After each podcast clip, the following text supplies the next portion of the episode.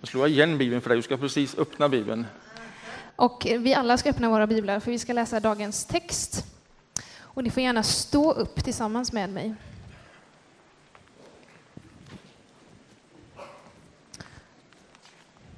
Och det är Johannes 1, 47 till 51.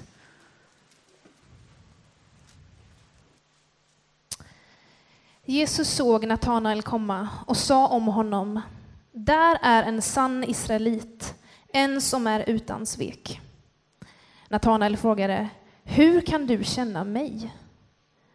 Jesus svarade, innan Filippos ropade på dig såg jag dig under fikonträdet.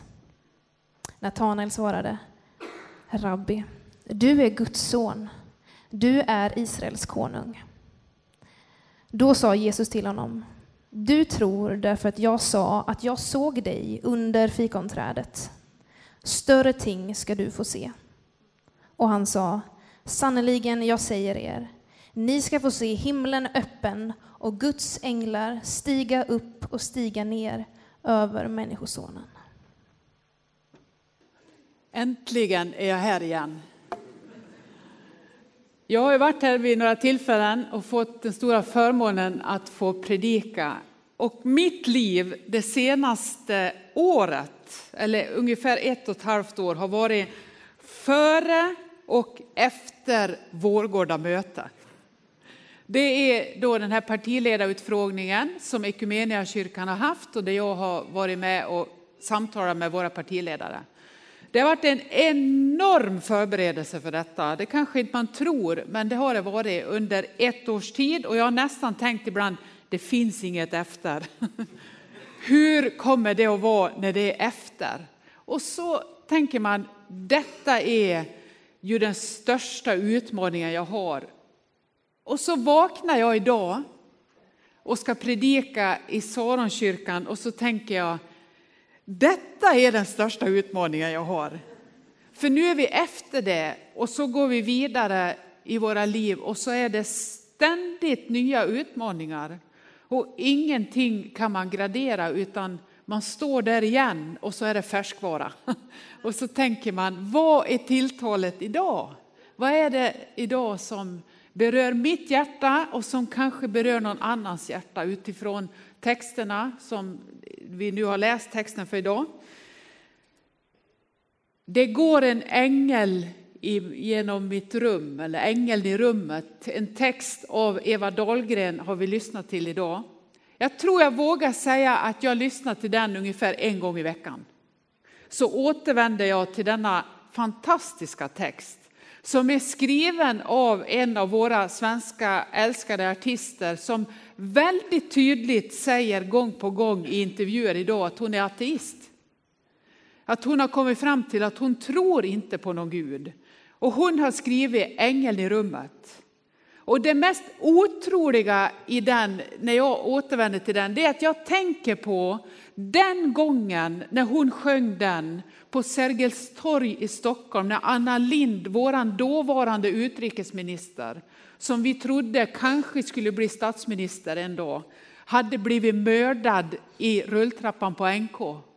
På väg för att köpa några nya kläder med en väninna för att hon morgon efter skulle sitta i en morgonsoffa och kommentera, jag tror det var EU-valet och euron och hon var ju väldigt inne i de sammanhangen då.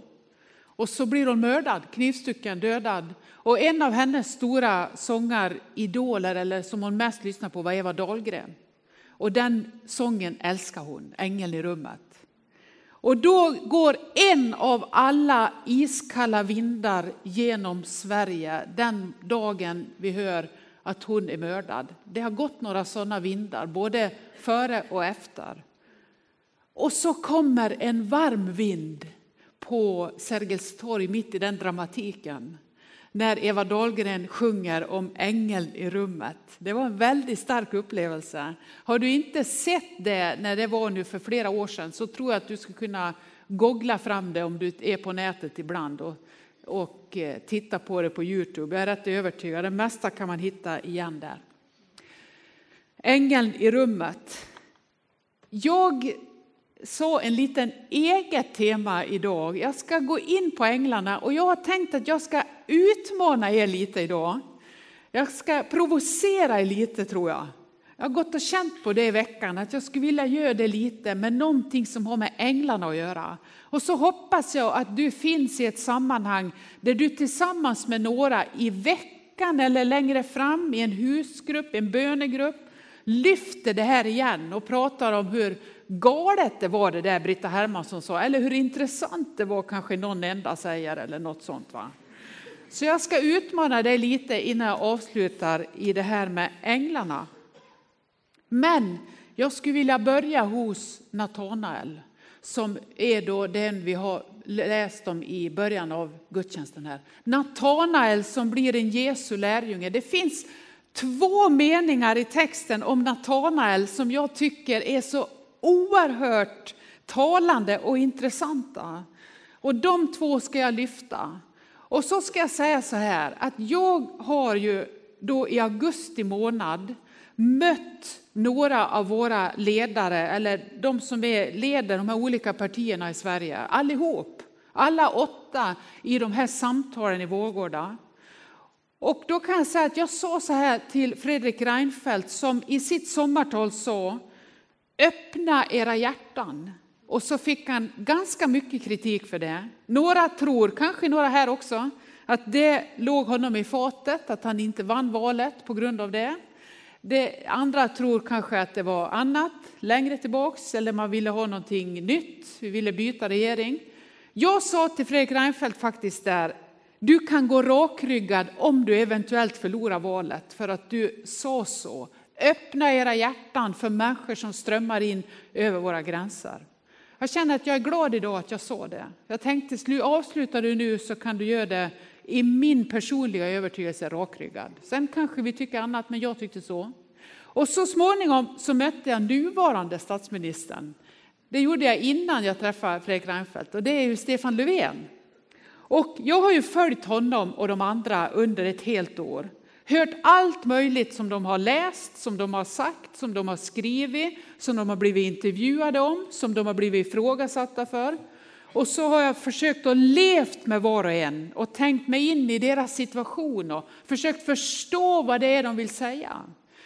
Och så gläds jag, parentes, fantastiskt mycket över att vi har fått en ny kulturminister. Vad vi än tycker, vad vi än har för färg, så har vi fått en ny kulturminister, Alice Bah Kuhnke. Och så dagen efter att vi jublar över det, många av oss, eh, så står det då lite feta rubriker, man har letat rätt på någonting. Det är ett otroligt tufft utmaning att vara en minister i Sverige idag. Så be för de som både är i regering och i opposition. Men vår stat, nuvarande statsminister han citerar Dietrich Bonhoeffer när han höll sitt sommartal på Almedalen. Dietrich Bonhoeffer var en tysk motståndsman och präst som strax innan andra världskriget var slut blev skjuten i ett tyskt fångläger. För sin tro, för att han vägrar böja sig under den bruna nazismen. Han vägrar böja sig under de kalla vindarna som drog in över Tyskland och han blev martyr på grund av detta. Han citerar Stefan Löfven i sitt tal i Almedalen i slutet av talet. Väldigt starkt, jag påminde honom i Vårgårda, du citerar Dietrich Bonhoeffer. Och så citerar vi det igen. Och när han nu höll sitt, jag vet inte om man ska kalla det installationstal, så citerar han Karin Boye, en av våra stora diktare och poeter. Jag tycker detta är bra signaler från alla de här olika. Och då ger jag ingen färg på parti, utan jag tycker det är bra signaler. Och jag, när jag mötte Stefan Löfven så citerar jag någonting om ledarskap. Och jag känner igen det när jag förbereder mig för Natanael idag.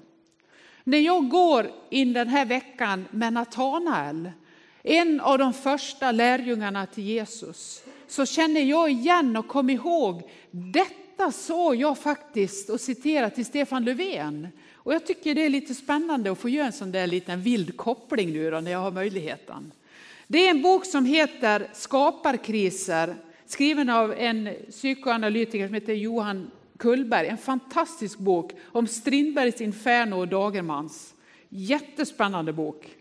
Här skriver han om vad det innebär att komma i en sån tuff position som att vara en ledare.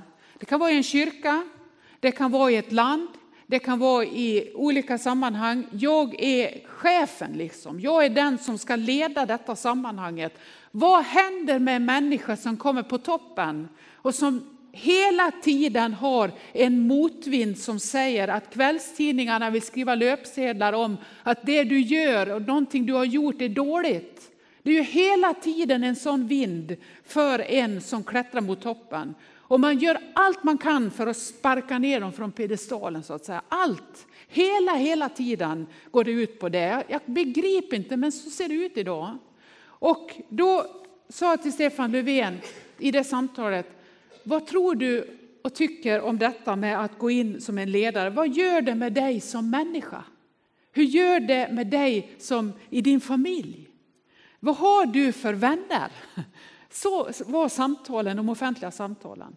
Och så citerar jag det här som jag tycker påminner också om det som jag vill in i idag. Då. Den som kommer in i en så utsatt position, det må vara en känd politiker eller annan galjonsperson, upplever med automatiken isolering som ställer hårda krav på personlighetens autonomi. Vilopunkten kan ligga i en familjesituation som kan hållas intakt gentemot omvärlden. Även nära vänskapsrelationer kan tjäna syftet att hålla fast upplevelsen av identitet och enhet, av sitt autentiska själv. Närheten till människor som ser och reagerar på ens äkta personlighet blir ett livsnödvändigt korrektiv till den över eller undermänniskoidentitet som pressas på en utifrån. Alltså att ha vänner, att ha en familj, att ha någonstans där jag är helt och hållet autentisk mig själv. Det är absolut nödvändigt för att gå in i en ledarfunktion. Vet ni, det är också nödvändigt för att vara människa. Och det är det som Jesus fångar upp hos Natanael och som jag skulle vilja ingjuta i dig. När Jesus möter Natanael så fångar han upp att han är sedd och han är bekräftad. Natanael får uppleva det viktigaste för varje människa och det mest grundläggande. Jag har sett dig och jag bekräftar din personlighet. Jag har sett rätt igenom dig, jag vet vem du är. För Jesus, när han möter honom så stärker han identiteten och han stärker honom som den personlighet Natanael är. Det är det som är att möta Jesus. Så här säger Jesus, det första han säger till Natanael, du är, där är, när han pekar ut honom, där är en sann israelit, en som är utan svek, säger han. Och då svarar Natanael förvånat, överraskande och samtidigt så tycker jag jag ser att han känner igen någonting. För han säger, hur kan du känna mig? Och jag tror inte att det handlar om att Natanael säger, jag är minsann någon man kan lita på. Jag tror han är lite som, som svenskar där. Nej, det är inte så mycket med mig. Va? Jag tror inte att han säger, nu har du på pricken fångat in hela min personlighet. Precis så är jag. Det är märkvärdigt att inte någon annan har upptäckt det än. Jag tror inte det är det. Utan det jag tror är att Jesus berör Natanaels längtan efter att få bli en pålitlig människa. Han har kanske länge gått och känt, jag skulle vilja gå i den där riktningen med mitt liv. Det här skulle jag vilja mer och mer blev mitt. Det är det här jag alltid ber andra be för. Det är det här jag alltid har med mig som en inre längtan och som jag kanske avslöjar för någon eller för många. Och säger, jag skulle önska att jag var mycket mer sån. Kanske att han egentligen, när han säger, hur kan du känna mig? Att han egentligen någonstans känner i sitt inre, Ja, tänk om det ändå vore så väl att jag var sann och pålitlig. Men det Jesus avslöjar är inte en perfekt människa, han avslöjar en längtande människa som har en riktning för sitt liv och tänker, Jag vill bli mer sann, jag vill bli mer pålitlig. Det är det tror jag som är hans stora, hur kan du känna mig? Han skulle lika gärna kunna sagt, hur kan du veta vad jag längtar efter?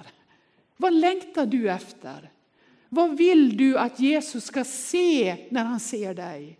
Vad vill du att han ska bekräfta i ditt liv? Och vad är det du inte vågar tro att du är, men som Jesus någonstans redan lite försiktigt har viskat? Genom andra människor, genom det du själv tänker, genom det du ber. Om du skulle skriva ner under en period vad du ber över, så kommer du efter ett tag att uppleva en röd tråd.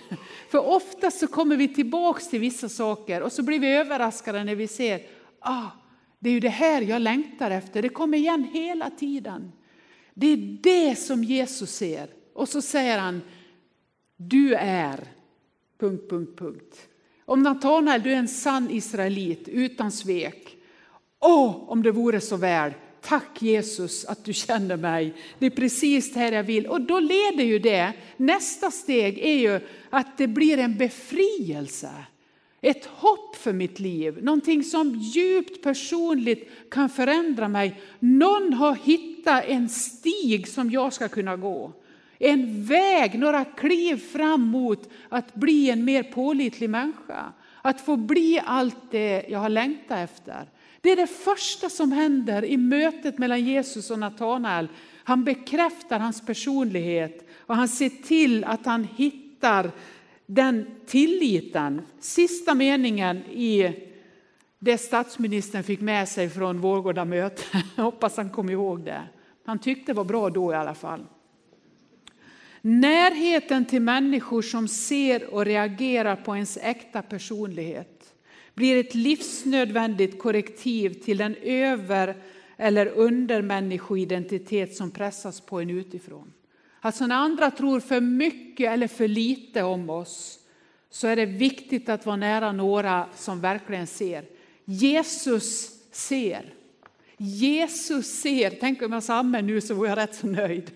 Jesus ser vem du är och det är grunden, för det är där sen lärjungaskapet får liksom form som jag längtar efter att mogna som människa. Som jag vill brottas med tilliten, med frågorna. Jag vill gå vidare, jag vill förstå. Och det märkliga, om vi säger att det är den ena sidan av Natanaels kallelse. Hur kan du känna mig? Så är något av den andra att Jesus sen säger, du större ting ska du få se. Du ska få se mer än detta. I det som är stort med att vara en Jesu lärjunge som börjar upptäcka tilliten är att jag blir en människa som vill ge det vidare till andra.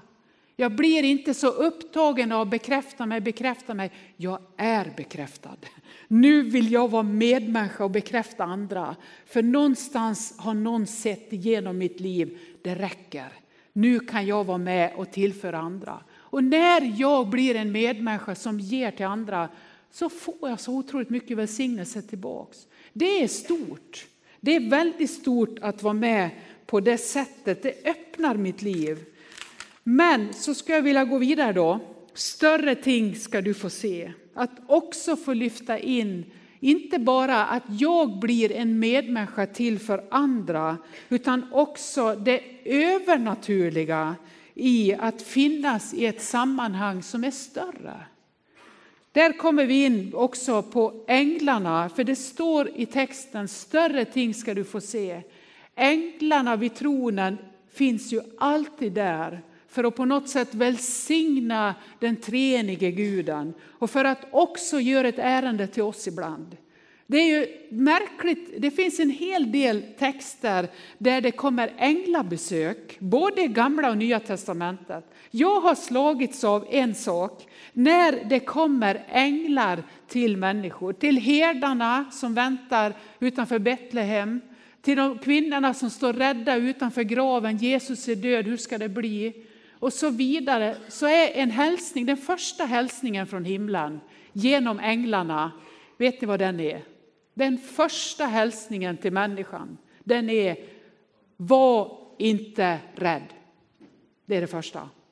För inför det övernaturliga så skakar vi till lite och blir lite rädda. Tänker, nej men detta har jag inte kontroll över, det här får jag inte ihop. Det första himlen säger till dig på jorden är, var inte rädd. Och sen kommer, jag bär bud och med stor glädje. Maria som ska vänta Jesus när ängeln kommer, var inte rädd. Inför det vi inte kan kontrollera så uppstår ganska naturligt en rädsla. För det här kan jag inte liksom få in i mina fackur hur det ska vara. Var inte rädd. Hela tiden så verkar ärendet vara att ge hälsningen från evigheten. Större ting ska du få se. Var inte rädd. Nu ska jag lyfta in problematiken för den som har väntat på något att bita i i veckan. Det har att göra med det som vi kallar änglavakt. Jag tror att vi ibland får änglabesök och jag skulle kunna säga att fick jag gå runt här med en mikrofon så kom många vittnesbörd på det. Att man har på något sätt anat en ängel i sitt liv. Och ibland så säger vi så här, men nu hade jag änglavakt. Det är ett av de svåraste uttryck jag vet, änglavakt. För när har jag det och när har jag det inte? Vem har änglavakt och vem har inte det? För oftast när vi säger nu hade du änglavakt, och jag hör det ofta, jag har sagt det, men jag, jag har faktiskt slutat sagt det. Nu hade du verkligen änglavakt. Då handlar det om fara. Då handlar det om liv eller död. Oftast är det det. Någonting sker. Jag går ut i vägen, jag börjar på att bli spår, påkörd av en spårvagn. Nu hade du änglavakt. Det finns berättelser om barn som har upplevt änglar har dragit dem från en spårvagnsspår eh, spår precis i sista stund och beskriver den här som har dragit dem som man tänker måste vara en ängel. Helt fantastiskt. Men vem har det och vem har det inte? Det händer ju väldigt ofta olyckor också med, med dödlig utgång. Då kan man ju inte säga, nej men nu hade du verkligen änglavakt. Medan andra gånger säger vi det väldigt snabbt, men nu hade du änglavakt.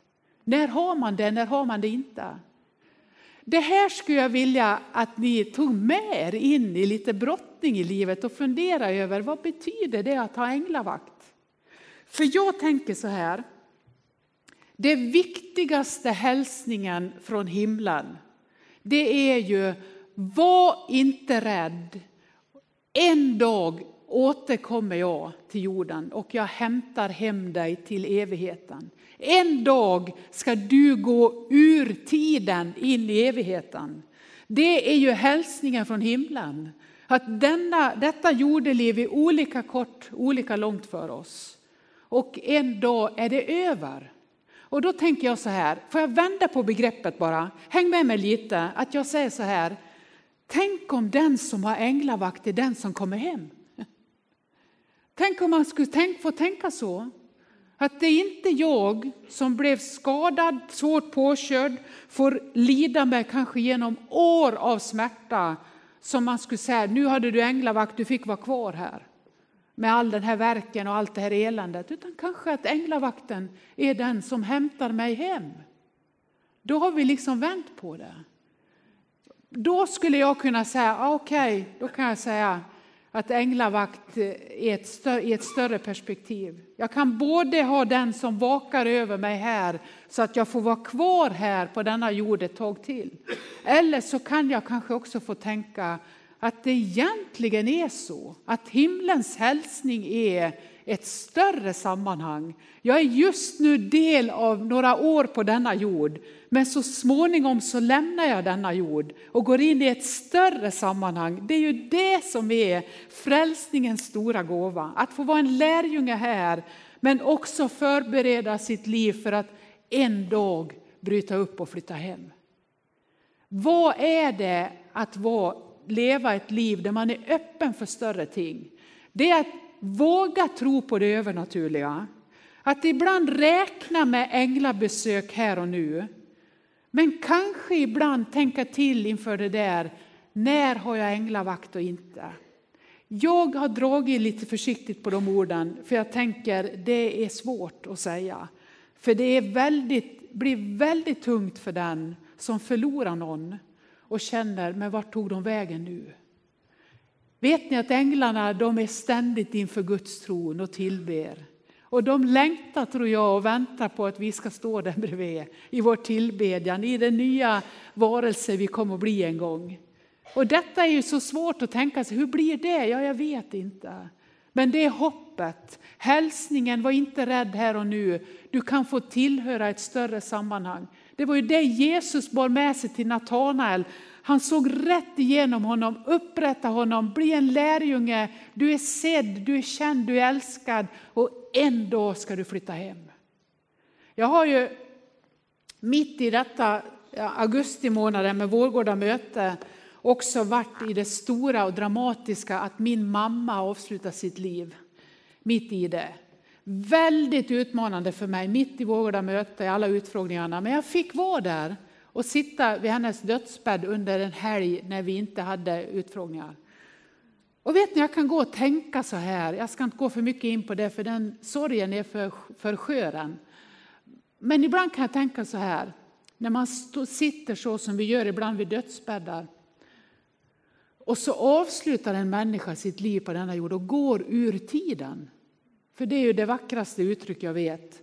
Att säga han eller hon har gått ur tiden. För det är ju det, in i evigheten. Så kan jag ändå komma på mig själv nu att jag ibland tänker, men vart tog hon vägen? Vart tog hon vägen?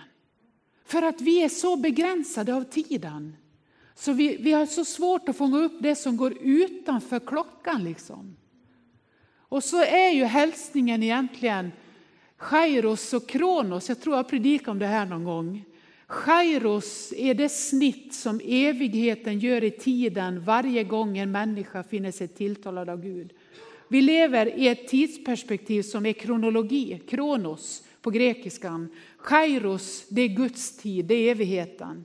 Kairos, det är snittet från evigheten som plötsligt gör att tiden stannar. Och så är vi inne i någonting nytt. Och så plötsligt är vi tillbaks igen. Och så går jag här och harvar och tänker, men vart tog hon vägen? Fast jag vet någonstans, hon kom hem.